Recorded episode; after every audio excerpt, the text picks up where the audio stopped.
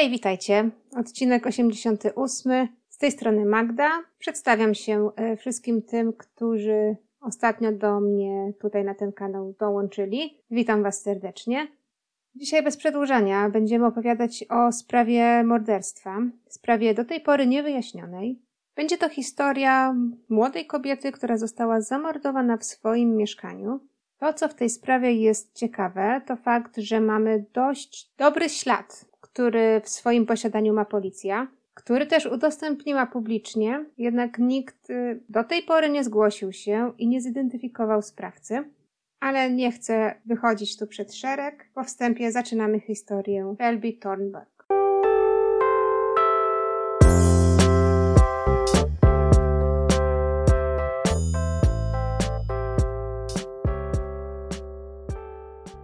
Będziemy dzisiaj mówić o wydarzeniach z roku 2015.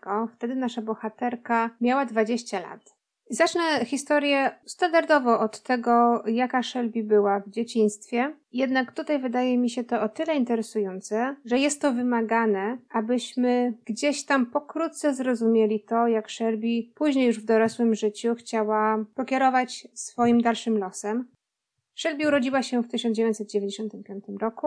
Od samego początku nie miała najlepszego dzieciństwa. Zazwyczaj opowiadam Wam historię osób, które są świetne, świetnie się uczą, mają super przyszłość, rodzice ich kochają, mają perspektywy, Shelby, no niestety tych perspektyw od najmłodszych lat nie miała, ponieważ y, ona i jej siostra Christina wydaje mi się, że wychowywały się jedynie z matką, która od wczesnych lat życia Shelby, tak naprawdę Shelby miała jakieś 5-6 lat, jej matka niestety, ale wpadła w nawyk narkotykowy, była uzależniona, próbowała parokrotnie leczyć się na odwyku, jednak y, za każdym razem skończyło się to tak, jak się to skończyło, czyli fiaskiem. Shelby i jej siostra Krystyna musiały, jako dzieciaki, tak naprawdę opiekować się swoją matką. Dzwoniły po pomoc, odwiedzały matkę w szpitalu. No to takie dzieciństwo dosyć przykre. I w końcu to uzależnienie matki doprowadziło do tego, że Shelby i jej siostra musiały paść w system adopcyjny. Obie dziewczynki na początku trafiły do sierocińca, a później trafiały do różnych rodzin zastępczych, jednak żadna z tych rodzin nie była dostatecznie dobrze dobrana i niestety obie dziewczynki były zaniedbywane, nie do końca dobrze się nimi opiekowano. Mało tego, zdarzało się, że były bite, wykorzystywane, wykorzystywane też seksualnie do tego stopnia, że zarówno Shelby, jak i Christina zaszły w ciążę w bardzo młodym wieku, były jeszcze nastolatkami. Shelby urodziła, ale z racji tego, że nie mogła się zająć tym swoim dzieckiem, z racji tego, że sama była w domu opieki, w sierocińcu skazana sama na siebie, nie mogła zająć się, zaopiekować tą swoją pociechą i no niestety oddała dziecko do adopcji. Po tym dramatycznym przeżyciu okazało się, że Shelby trafiła do domu zastępczego, gdzie ci zastępczy rodzice wynajmowali ją jako prostytutkę Wydaje się, że rodzice, ludzie, którzy zgłaszają się, aby zająć się innymi dziećmi, mają taką potrzebę, chcą pomóc, a tutaj prawa Shelby pokazuje nam, że jednak nie wszyscy są tacy wspaniałomyślni, z sercem na dłoni. Niektórzy chcą zarobić, wykorzystać, porzucić, co sprawiło, że po tylu latach nietroski, bo tak to mogę nazwać, Shelby naprawdę chciała się wyrwać, próbowała wszystkich sił, żeby gdzieś tam sobie z tym wszystkim radzić.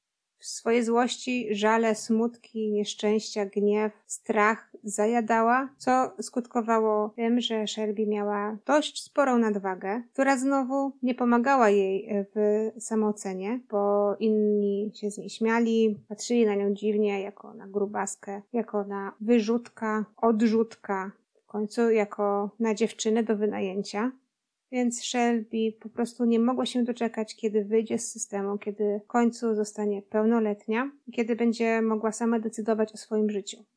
I tutaj dochodzimy do roku 2014, kiedy to Shelby ma około 19 lat i w końcu może się wyzwolić z tej przymuszonej opieki, w cudzysłowie opieki, ponieważ no już wiemy, jaką opiekę Shelby od państwa oraz od innych osób dostała.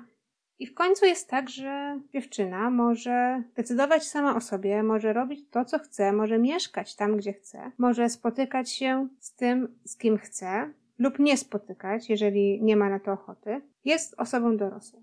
I to był ten punkt zwrotny dla Shelby, która zdecydowała się, że już jest dosyć, że zostawia przeszłość za sobą, że teraz będzie decydować sama o swoim życiu, o tym, co jest dla niej dobre, będzie robić to, co chce. I to, co Shelby chciała zrobić, to przede wszystkim zadbać o siebie. Możecie sobie wyobrazić, że przez to wszystko, co przeszła Shelby, no to, to zostawia naprawdę głęboki ślad w psychice, więc poza tym, co Shelby spotkało, poza tym, że była zraniona, że miała nadwagę, która jej przeszkadzała, miała też problemy natury psychicznej, co jest zrozumiałe moim zdaniem. I tak na dziewiętnastolatkę postanowiła, że zadba o to wszystko, poszła po pomoc do lekarza, żeby się nie tylko fizycznie, ale też Przede wszystkim może psychicznie sama ze sobą uporać. Zaczęła zdrowo jeść, chodziła na siłownię. Gdzieś przeczytałam, że była tak zdeterminowana, że udało jej się zgubić aż 70-80 kilo, z tego co pamiętam. To jest ogromnym, ogromnym sukcesem i to wszystko było widać. Ci z Was, którzy słuchają mnie na YouTubie, możecie teraz zobaczyć. Wstawiłam zdjęcie Shelby przed i Shelby po. Widać, jak ta dziewczyna odnajduje w sobie odwagę, żeby dalej żyć i dalej funkcjonować. Jak chce z każdą chwilą być lepsza dla siebie, bo nie dla nikogo innego. Miała tylko tą siostrę, z którą miała dobre relacje, ale każda z nich borykała się ze swoimi demonami. Wydawało się, że na tę chwilę życie Shelby będzie wyglądało tylko lepiej. Jej zawodowym marzeniem było zostać modelką i starała się ze wszystkich sił do tego dążyć.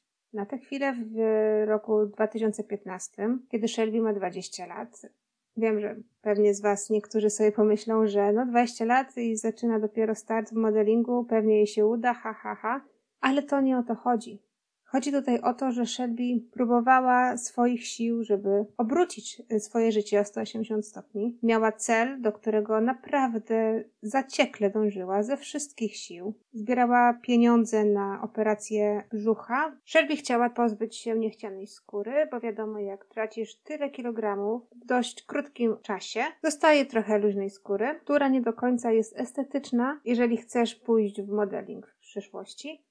Zatem Shelby zbierała głównie pieniądze na tę operację oraz na operację powiększenia piersi. I tutaj nie oceniajmy tego. Wiadomo, że jak zrzucisz 80 kilo w bardzo krótkim czasie, no to ten, te, te fałdy skóry chyba gdzieś jeszcze zostają i to nie wygląda może najbardziej estetycznie, więc też e, Shelby próbowała się leczyć nie tylko mentalnie, ale też próbowała być lepsza fizycznie, bo to było jej marzenie, żeby być modelką.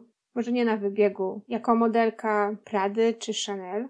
Może dla niej wystarczyłoby być na okładce magazynu. Albo gdzieś jako modelka kostiumów kąpielowych w katalogu Bonprix. Tego nie wiemy. Wiemy natomiast, że miała marzenie i do tego marzenia zaciekle dążyła. Po takim dzieciństwie wydaje mi się, że to, co Shelby zrobiła w rok, odkąd zwoliła się z tej opieki, z tego sierocińca, naprawdę zostawia mnie pod dużym wrażeniem zaciętości, jakie miała w sobie ta dziewczyna i tego, że pomimo przeciwności losu, pomimo ciężkiej przeszłości, którą miała, chciała, żeby jej życie się odwróciło na lepsze i była na dobrej drodze, żeby to marzenie spełnić. Jeśli chodzi o życie towarzyskie Shelby, to zdecydowanie było ok. Miała sporo znajomych, była lubiana w towarzystwie, miała też chłopaka, którym niestety na początku 2015 roku rozstała się. I tutaj wydaje mi się, że to jest właśnie znowu ten punkt zwrotny w życiu Shelby, gdzie poznaje chłopaka o imieniu Marcus Dwayne Johnson. Na pierwszy rzut oka Markus wydawał się być chłopakiem Shelby. Z tego co widzimy w, na jej social mediach, to są obrazki perfekcyjnego życia. Shelby jest rozpieszczana przez Markusa, ma ładne mieszkanie, widzimy zdjęcia z wystawnych kolacji z takiego troszeczkę luksusowego życia. Jednak to, co jest w sieci, nie zawsze jest tym, co jest w rzeczywistości. I nie wiem, czy się już domyślacie, ale Markus nie był chłopakiem Shelby, a jej Alfonsem czy tam sutenerem, jak zwał, tak zwał. Markus, czy Mark D, bo tak jest powszechnie nazywany, jest człowiekiem z kryminalną przeszłością, oczywiście. Przede wszystkim prostytucja oraz handel kokainą. Wydawał się dosyć znany w tym świadku, a Shelby wydawała się jedną z jego najlepszych dziewczyn I jeżeli tutaj mówię najlepsza dziewczyna, mam tutaj na myśli osobę, która przede wszystkim jest długo w towarzystwie, zarabia dużo pieniędzy dla swojego sutenera i ma taką pozycję troszeczkę wyżej niż inne dziewczyny. I z racji tego, że Shelby była właśnie jedną z tych wybranie, wybranych, miała takie życie, jakie pokazywała w sieci. Czyli wystawne kolacje, dobre mieszkanie, ekskluzywne przyjęcia. Jej relacja z Markiem D wydawała się być dobrą relacją biznesową, jeżeli tak to mogę nazwać. Obie strony z tego korzystały i Shelby wydawała się robić to dobrowolnie, czerpiąc z tego korzyści finansowe, które potem, jak wiemy, miała przeznaczyć na operacje plastyczne i na dojście do tego swojego celu zostania modelką. I tutaj troszeczkę chciałabym zrobić krótką przerwę na chwilę refleksji, ponieważ wydaje mi się, że część z Was może myśleć, ale jak to? Przecież po takim dzieciństwie, po tym co przeszła, teraz może Shelby sama decydować o sobie, dlaczego znowu wpadła w to zamknięte koło. Dlaczego znowu prostytucja? Dlaczego znowu wykorzystywanie? Dlaczego znowu sprzedawanie ciała? Przecież może robić cokolwiek innego w życiu. Widać, że ma determinację, widać, że poradziłaby sobie. I na to wszystko myślę, może tak, może faktycznie Shelby mogłaby pójść na przykład do sklepu pracować albo zacząć jakieś zaoczne studia, ale musimy pamiętać, że Shelby była naprawdę nie tyle co tylko wykorzystywana w dzieciństwie, ale nikt o nią nie dbał. A jeżeli nikt o nią nie dbał, no to nie dbał też o jej edukację, więc wydaje mi się, że Shelby nie miała też w głowie innego wyjścia. Prostytucja dla niej to było coś, co znała to były pieniądze o wiele większe niż pieniądze, które mogłyby zarobić e, comiesięcznie w sklepie. Jednak no, miała już 20 lat, co dla modelki jest wiekiem już dojrzałym, albo przynajmniej takim wiekiem, w którym musiałaby coś już robić, mieć jakieś portfolio, jakieś pierwsze sukcesy w jakichś magazynach czy na wybiegach. Shelby tego nie miała i chciała zarobić jak najwięcej pieniędzy w jak najkrótszym czasie, aby fizycznie przygotować się do zawodu modelki. I nie znając naprawdę innego życia, innego świata, wpadła w krąg taki, takich łatwych pieniędzy, tak to mogę nazwać, ale też pieniędzy, które umiała zarabiać. Ona nie wiedziała, jak to jest pracować w korporacji, nie wiedziała, jak to jest ubiegać się o pracę, no nie wiem, w sklepie odzieżowym, Wydawało jej się, że nie ma do tego przygotowania. A miała też pewnie swoich znajomych, prawda, z wcześniejszych lat. Podejrzewam, że tak poznała Marka D. I wskoczyła w to, co dla niej wydawało się najszybszą drogą zarobienia pieniędzy. To, to tyle. Nie chcę tutaj Shelby ani usprawiedliwiać, ani jakoś oceniać specjalnie. Po prostu wyda wydaje mi się, że prostytucja, na którą zdecydowała się świadomie, to była w jej głowie jedynie część, czyli epizod do tego lepszego życia, do tego fajniejszego życia, do tego życia, kiedy nie musiałaby już być prostytutką, a zajmowałaby się czym innym. Modelingiem w tym przypadku. Okej, okay, wracając do sprawy. Jeżeli chodzi o to, co Shelby powiedziała swojej rodzinie, właściwie swojej siostrze Krystynie, to to, że była wynajmowana, to takie brzydkie słowo, ale że była po prostu eskortą dla ludzi, czy towarzyszką, może tak to, to możemy nazwać. Krystynie powiedziała, że jej praca wygląda w ten sposób, że jeżeli ktoś gdzieś ma jakieś e, ważne spotkanie, na przykład ważną kolację biznesową, czy nawet prywatną, e, w której potrzebuje przyjść z osobą towarzyszącą, a takiej osoby akurat e, nie ma, to wynajmuje Shelby i Shelby dobrze się ubiera, idzie z tą osobą na tak zwaną powiedzmy randkę, udaje, że się dobrze znają, dobrze się bawi, towarzyszy tej osobie i później wraca do domu. Tyle, bez żadnych całusków, uścisków, obściskiwań, a już na pewno bez niczego więcej. Jednak okazało się, że w przeciągu tego krótkiego czasu, kiedy Shelby znowu weszła w ten biznes, była chyba ze dwa razy aresztowana za prostytucję i Krystyna się o tym dowiedziała. Oczywiście nie popierała wyboru siostry, mówiła, że to może jej zaszkodzić, że jest to dosyć niebezpieczny biznes, nie wiadomo na kogo trafi. Nie wiadomo, jacy są ludzie po drugiej stronie, nawet jeżeli ten jej Alfons jest osobą, którą darzy zaufaniem, to nigdy nie wiadomo, jaki będzie ten klient końcowy.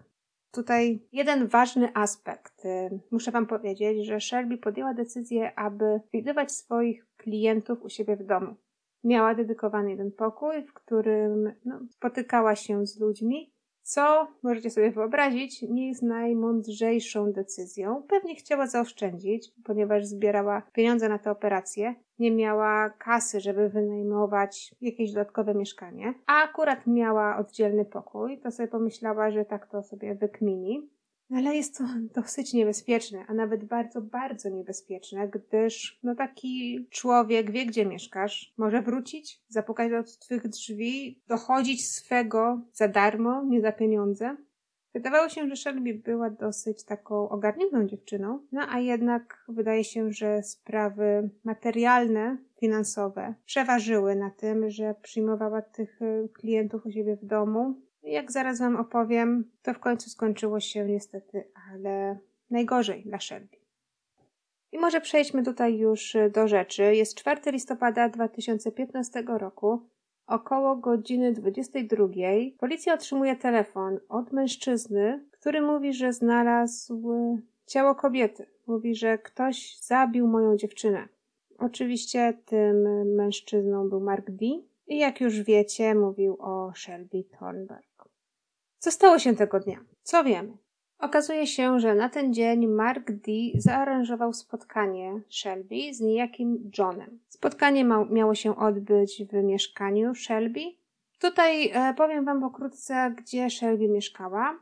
Ten wieżowiec, e, w którym miała mieszkanie, to było mieszkanie na trzecim piętrze. Wydaje mi się, że to było to był kompleks mieszkań, które zostały zaaranżowane z hotelu, który tam był wcześniej, bo ten cały budynek wygląda jak hotel.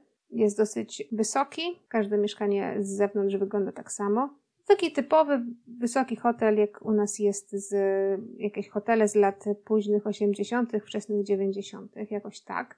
Shelby miała tam dwa pokoje, tak jak Wam już wspominałam. Tam akurat w jednym z tych pokoi przyjmowała swoich klientów i tak też stało się tego dnia, 4 listopada. Jak możecie sobie wyobrazić, zawsze w hotelach jest y, lobby recepcyjne. I tak ten kompleks apartamentów wyglądał również u Shelby. Na kamerze monitoringu widzimy człowieka, który nie jest rezydentem, który o godzinie około 20.34 przechodzi przez lobby, jakby nigdy nic. Jest ubrany w niebieskie shorty, w niebieską koszulę. Widzimy tył jego głowy. Wydaje mi się, że mógłby być takim ciemniejszym blondynem. Idzie równym krokiem, zdecydowany, niczym się nie przejmuje. Po prostu wchodzi do apartamentowca. Shelby schodzi na dół, żeby powitać tego człowieka i około 6 minut później pisze wiadomość tekstową do Marka D. Wiadomość ma trzy litery. Shelby pisze good. G-U-D.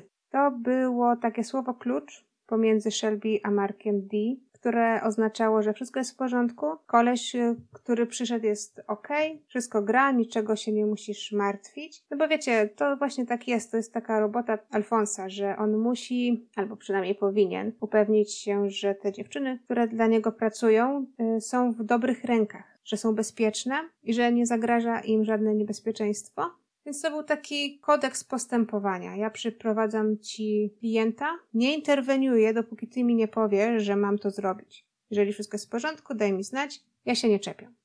To, co wydaje się dziwne, to fakt, że około godziny 20.56, czyli równiutko 22 minuty później, od, od, momentu, kiedy tego Johna widzimy pierwszy raz na kamerze monitoringu, jak wchodzi do, do apartamentowca, 22 minuty później widzimy go, jak z niego wychodzi. Jest y, ubrany tak samo. Wychodzi pewnym krokiem, jakby nic się nie zdarzyło, jakby po prostu szedł do sklepu po bułki. Jest tak samo ubrany w niebieskie shorty oraz w niebieską bluzę. Teraz widzę, że to jest bluza. Wcześniej, jak ten John wchodził do apartamentowca, z tyłu, jak go widziałam, wydawało się, że to jest koszula. Teraz widzę, że to jest po prostu taka cienka bluza z długim rękawem. To, co jest takie podejrzane, to może być fakt, że lewą rękę trzyma w kieszeni spodni. No, zazwyczaj to nie jest e, dobra pozycja do chodzenia. No ale dobra, no jakby ludzie tak chodzą, okej, okay, może to być coś podejrzanego, może na przykład, nie wiem, trzyma tam coś w tej kieszeni, a może to być dwie okoliczności. To, co policja zauważyła na samym początku, jest to, że John, jak na klienta prostytutki, dosyć szybko wyszedł z jej mieszkania. O następnych zdarzeniach tej nocy już Wam powiedziałam. Widocznie Mark D., który podejrzewam, że czekał gdzieś w pobliżu mieszkania Shelby, zaniepokoił się, że od godziny czy już godziny 20 nic od Shelby nie słyszy. Shelby mu nic nie pisze, że jest ok, czy że potrzebuje więcej czasu. Najwidoczniej próbuje się z nią skontaktować, może dzwonić. Shelby nie odbiera. Zatem Mark D., będąc dobrym sutenerem, chodzi do jej mieszkania i niestety widzi, że Shelby nie żyje dzwoni na policję o godzinie 22.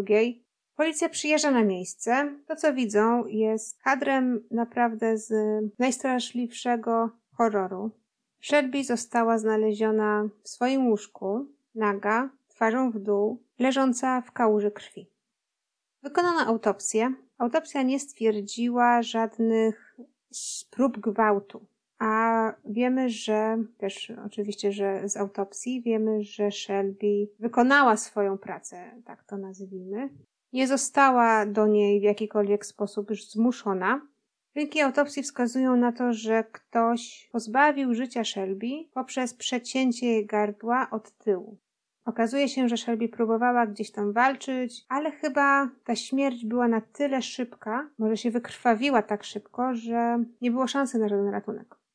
Policja oczywiście przeszukała też mieszkanie Shelby w poszukiwaniu jakichkolwiek dowodów, ale niestety nic nie znaleźli. Nie znaleźli ani żadnych odcisków palców, śladów nasienia, jakichś śladów krwi drugiej osoby. Wydawało się, że to mieszkanie jest zupełnie pozbawione jakichkolwiek dowodów, które prowadziłyby do tego, kto zabił Shelby. Na tę chwilę policja jeszcze nie ma tego nagrania z monitoringu, dlatego pierwszym podejrzanym w sprawie jest oczywiście Mark D. Policja wzywa go na komisariat, przesłuchują go. Chyba były trzy przesłuchania. Okazuje się, że Mark był w tych przesłuchaniach konsekwentny, mówił prawdę. Może gdzieś tam trochę ściemnił, e, jeżeli chodzi o jego zaangażowanie w życie Shelby. Jednak policja wiedziała swoje, gdzieś tam nawet mu wierzyli i okazuje się, że Mark D. został skreślony z listy podejrzanych, bo faktycznie miał alibi na ten czas, kiedy wierzono, że, że Shelby została mordowana. Policja sprawdziła też telefon Shelby i tak jak powiedział Mark D. tamtym dniu, czy tamtego wieczora, Shelby faktycznie miała kontakt z Johnem. Około godziny 20.06 dostała wiadomość od niego, która mówiła, że będę tam za 20 minut. Minutę później Shelby odpisała OK. Około godziny 8.33 wieczorem Shelby dostaje kolejnego SMS-a od Johna. John mówi hej, jestem. I wtedy pewnie Shelby schodzi do lobby, aby go przywitać. Następną rzeczą, która policja odkrywa w telefonie Shelby, to jest wiadomość Shelby do Marka D o treści good. To, o czym Wam już powiedziałam. I zapewne część z Was teraz mówi, ok, Shelby miała numer telefonu tego kolesia. Tak samo Mark D, który zaaranżował całe spotkanie, przecież miał kontakt z tym kolesiem telefoniczny. Mają numer telefonu. Co za problem namierzyć gościa? Policja oczywiście też tak pomyślała. Okazuje się, że jednak e, to nie był e, numer telefonu, który ktoś po prostu kupił na abonament. Musi dać, nie wiem, dowód osobisty, imię, nazwisko. To był telefon jednorazowego użytku, że tak powiem. W, w Ameryce, wiecie, to się nazywa burner phone. W takim sensie, że po prostu kupujesz y, telefon razem z kartą SIM w jakimś kiosku, nie dajesz swoich danych, nikt się o nic ciebie nie pyta. Taki odpowiednik naszego telefonu na kartę trochę. Nie wiem, jak to jest teraz, ale jak ja byłam nastolatką, to właśnie tak było, że szło się do kiosku, kupowało się kartę z jakimś numerem i, i to było tyle. Okazuje się, że ten koleś, ten John, do którego numer należał, został zakupiony parę miesięcy wcześniej. Gdzieś tam w jakimś przypadkowym miejscu. Zatem, no niestety, ale to, że policja miała numer telefonu, do niczego jej nie doprowadziło, gdyż telefon już był nieaktywny. Nie miała też y, pewnego punktu zaczepienia, żeby się dowiedzieć, do kogo ten numer telefonu należał. No i tu ślepy zaułek, tam ślepy zaułek. Pomyślicie sobie, że okej, okay, no to tutaj się pewnie historia kończy. Ale powiem wam o jednej rzeczy, którą odkryła policja. Okazuje się, że ten sam koleś przed tym, jak zamordował Shelby, parę dni wcześniej próbował kontaktować się z kilkoma innymi kobietami, Chciał zaaranżować spotkanie. Wszystkie te kobiety mniej czy więcej opisem fizycznym, wyglądem pasowały do Shelby, czyli były szczupłymi blondynkami, mniej więcej o takiej delikatnej urodzie. Wszystkie inne kobiety nie zgodziły się na spotkanie. Shelby no, widocznie była tutaj ofiarą przypadkową. Można by tak to wnioskować. Widać, może Mark D. nie robił wystarczająco dobrego researchu przed tym, jak umawiał swoje dziewczyny z klientami. No nie wiem. Ale ten trop poprowadził policję do wniosku, że w takim razie Shelby została zamordowana najprawdopodobniej przez seryjnego mordercę. I tu już troszeczkę przechodzimy do teorii, ponieważ e, jeśli chodzi o morderstwo Shelby, nie mam wam nic więcej e, do powiedzenia, gdyż nie ma żadnych dowodów. Mamy tylko te nagrania monitoringu, które są z lobby apartamentowca. Widzimy na nich mężczyznę szczupłego w okularach wchodzącego i wychodzącego z, z kompleksu. Idzie równym krokiem, takim krokiem pewnym, jakby nic się nie stało. I też policja e, w takim razie twierdzi, że no to to musiał być ktoś, kto już wcześniej mordował, bo ktoś, kto zamordował pierwszy raz, po pierwsze, byłby może podekscytowany, może przerażony, może nie wiedziałby, co ze sobą zrobić, a taki ktoś, który już wcześniej mordował, który jest seryjnym mordercą dla przyjemności, że tak brzydko powiem, ma już to obcykane i, i wie, czym to smakuje, Zatem pewnie zabił Shelby dla przyjemności. Nie trwało to długo, bo miał już doświadczenie. I wyszedł z budynku jak gdyby nigdy nic. Mówiłam wam, że trzymał lewą rękę w kieszeni spodni, może Shelby bo gdzieś tam dźgnęła, czymś może coś ukrywał, może coś wziął, chociaż z mieszkania Shelby nic takiego wartościowego nie zginęło, ale wiemy, że seryjni mordercy skupiają się czasami na takich mało wartościowych trofeach, typu pukiel włosów, bielizna, więc może coś takiego próbował ukryć w, w kieszeni. Są tutaj też głosy w internecie, że ten trop seryjnego mordercy nie jest może tropem właściwym, ponieważ seryjny morderca z reguły lubi delektować się tym swoim morderstwem. I te 22 minuty od momentu wejścia do momentu wyjścia nie byłyby idealnym czasem, w którym taki, wiecie, zabójca z krwi i kości chciałby to morderstwo popełnić że taki seryjny morderca lubi delektować się tym wszystkim, lubi, nie wiem, czasami może wyczyścić miejsce zbrodni, czasami ułożyć ciało w pewnej pozycji, lubi na przykład y, ubrać ofiary tak jak chce, albo po prostu pochodzić po mieszkaniu, napawać się tym, co przed chwilą zrobił. Dlatego też y, dużo ludzi w sieci twierdzi, że ten trop seryjnego mordercy może i jest dobry, ale nie do końca tutaj pasuje. Druga teoria opiera się na tym, że ten John był osobą wynajętą przez kogoś specjalnie w celu zabicia Shelby. Nie wiemy, czy te wszystkie kontakty z innymi kobietami były dla zmyłki. Może tak. Jednak wydaje się po tym, jak ten człowiek idzie, jak, jak widać na kamerze monitoringu, widać, że on chodzi takim, jest tak taka postawa prosta takiego człowieka, który gdzieś tam ma służbę wojskową za sobą. Pewny krok, proste plecy, głowa do przodu i idziemy. Druga rzecz to jego stoicka postawa. Idzie, jakby się nic nie wydarzyło. Zatem dużo ludzi twierdzi, że, że no po prostu był wynajęty, żeby zabić Shelby. Może to był Mark D., ponieważ wiemy, że gdzieś tam Shelby próbowała już pomalutku wyjść z tego świadka. No a no, wiemy, że to nie jest um, najprostsza rzecz do zrobienia. Wiemy też, że Shelby była jedną z tych y, osób, które zarabiały najwięcej. Zatem Mark D byłby na pewno na minusie, gdyby Shelby zrezygnowała z tej pracy. Wiemy, że policja przesłuchiwała Marka D, miał alibi, nie ma zarzutów w tym momencie, ale gdzieś tam y, chcę wam powiedzieć, że w internecie jest taka teoria. Może to nie był Mark D, może kto inny wynajął y, Johna do, do zabicia Shelby. Też jest taka możliwość. W tym momencie śledztwo jest otwarte, policja nadal szuka jakichkolwiek poszlak. To, co w tej sprawie jest e, dziwne, to fakt, że pomimo dobrego, naprawdę dobrego jakościowo nagrania monitoringu, nikt się jeszcze nie zgłosił, mówiąc, że widział tego człowieka albo że zna tego człowieka. Pomimo tego, że ten John, no tak go nazwijmy, ale to zawsze jest w cudzysłowie, ma e, na sobie okulary, które nie są wcale aż takie duże. To są raczej takie okulary z, z, z kategorii wąskich, czarnych okularów przeciwsłonecznych. Widzimy tak naprawdę całą jego posturę. Widzimy, że ma włosy krótko obcięte na jeżyka. Może być jasnym brunetem albo ciemnym blondynem, bez zarostu. Około pewnie 30-40 lat. To jest bardzo dziwne, że jeszcze nikt nie zgłosił się na policję, żeby powiedzieć, hej, znam kogoś takiego jak, jak, jak, jak ten człowiek. Znam kogoś, kto wygląda podobnie, albo poznaje ten sposób chodzenia. Z drugiej strony to by się zgadzało z takim faktem, że okej, okay, jeżeli jestem człowiekiem do wynajęcia, takim człowiekiem, który zabija, no to raczej nie mam znajomych. Dlatego też nikt nie zgłosił się na policję, mówiąc, że zna tego człowieka. Ale tutaj wydaje mi się o tyle dziwne, że jeżeli jestem człowiekiem, który zabija dla kasy, czyli to jest mój zawód, jakby nie patrzeć, to robię research wcześniej. Tutaj coś mi się nie chce wierzyć, że John nie wiedział, że y, w tym kompleksie apartamentów jest monitoring.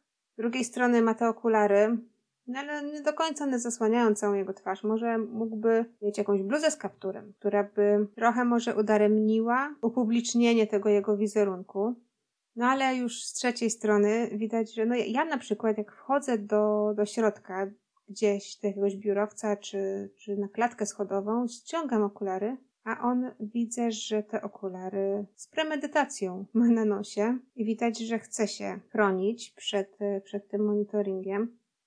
I jeszcze ostatnia tutaj rzecz, ale muszę ją powiedzieć. Jeżeli ktoś jest e, takim zabójcą na zlecenie, no to wydaje mi się, że wie co robi nie będę tutaj upubliczniać tych zdjęć, bo one są naprawdę masakryczne. Jeżeli jesteście miłośnikami takich drastycznych scen, to zapraszam do wyszukania gdzieś w internecie zabójstwo Shelby Thornberg, ale miejsce zbrodni jest naprawdę okropne. Wszędzie jest krew, na, nie tylko na podłodze, ale też na ścianach, gdzieś na kaloryferze. To wszystko wygląda na taką robotę człowieka, który nie miał czasu, który po prostu zrobił swoją rzecz i wyszedł a jeżeli jesteś seryjnym zabójcą, takim mordercą na zlecenie, no to raczej wiesz, jak zabijać. Tym bardziej, że jeżeli miałbyś gdzieś tam jakąś przeszłość w wojsku, no to chyba cię uczą takich rzeczy i nie zostawiasz po sobie takiego bałaganu. A tu no ślady krwi, no, ta krew się wszędzie rozbryzgiwała. Z tego co, co widzę po tych e, masakrycznych zdjęciach, no nie wygląda to na robotę zawodowca. Więcej teorii nie ma. Nie, przynajmniej takich teorii wartych opowiedzenia nie znalazłam w internecie. Sprawa na tę chwilę zostaje otwarta. Nie wydaje mi się jednak, żeby policja traktowała ją aż tak priorytetowo. Od zabójstwa minęło już kilka lat, bo to, było, to był rok 2015. Nadal nie wiemy, kim jest ten człowiek z kamery monitoringu, która ma dosyć dobrą jakość, przypominam. Wiemy na pewno, że to jest ten człowiek, który zabił Shelby, bo mamy dokładne dane, czyli miejsce pobytu, czas pobytu. Wiemy, że kontaktował się z Shelby telefonicznie. Wiemy, że Mark D zaaranżował spotkanie. Więc to jest na pewno ten człowiek. To nie jest jakiś randomowy człowiek, który przechodził się akurat y, gdzieś tam do kogoś, nie wiem, czy, czy listonosz, czy znajomy na chwilę wpadł. Nie, to jest ten człowiek. Wydaje mi się, że sprawa Shelby nie do końca miała taki medialny oddźwięk, jaki powinna mieć. Może z racji tego, że Shelby nie ma aż tak dużo rodziny, która bardzo by naciskała na władzę, aby zakończyć tą sprawę jakoś szybciej. Bo zazwyczaj y, opowiadam o tym, że rodzice szybko reagują, że sąsiedzi szybko reagują. Shelby nie miała za bardzo sąsiadów, z którymi miała dobre, utrzymywała dobre stosunki już od iluś tam x lat. Miała tylko siostrę, która próbuje swoich sił, no ale to jest jeden człowiek, która też jest po przejściach, która też zmaga się ze swoimi demonami. Jeszcze do, dodatkowo musiała sprzątnąć mieszkanie po zamordowanej siostrze, więc jej też nie jest lekko. Na tę chwilę sprawa jest w martwym punkcie, wydaje się, do momentu, kiedy ktoś, moim zdaniem, zidentyfikuje tego człowieka. Już tak kończąc, szkoda mi Shelby, bo dziewczyna miała ciężkie życie od samego początku. Próbowała z tym życiem coś zrobić pięknego, próbowała się wyrwać i zaistnieć w świecie modelingu. Nawet jeżeli by się jej nie udało, to znalazłaby sobie coś innego z tą determinacją, którą miała w sobie, z tą odwagą i, i z taką chęcią wyjścia na, na dobrą stronę, na pewno by sobie dała radę. Zaufała niewłaściwym ludziom, to jaką miała przeszłość, odbiło się piętnem na tym, jaką karierę zawodową albo tą tymczasową karierę zawodową wybrała sobie, no bo po prostu nie znała innego życia. Takie jest moje zdanie. Ja gdzieś tam mam nadzieję, że kiedyś ta sprawa się rozwiąże. Trzymam za to bardzo mocno kciuki, a do tego czasu to tyle, co miałam Wam do powiedzenia. Dziękuję Wam pięknie za wysłuchanie do końca i dziękuję za całą masę wsparcia, którą otrzymuję od Was pod moimi odcinkami. Jest mi bardzo, bardzo, bardzo miło. I cóż, jeszcze raz Wam dziękuję. My słyszymy się następnym razem. Do usłyszenia, kochani buziaczki. Pa, pa.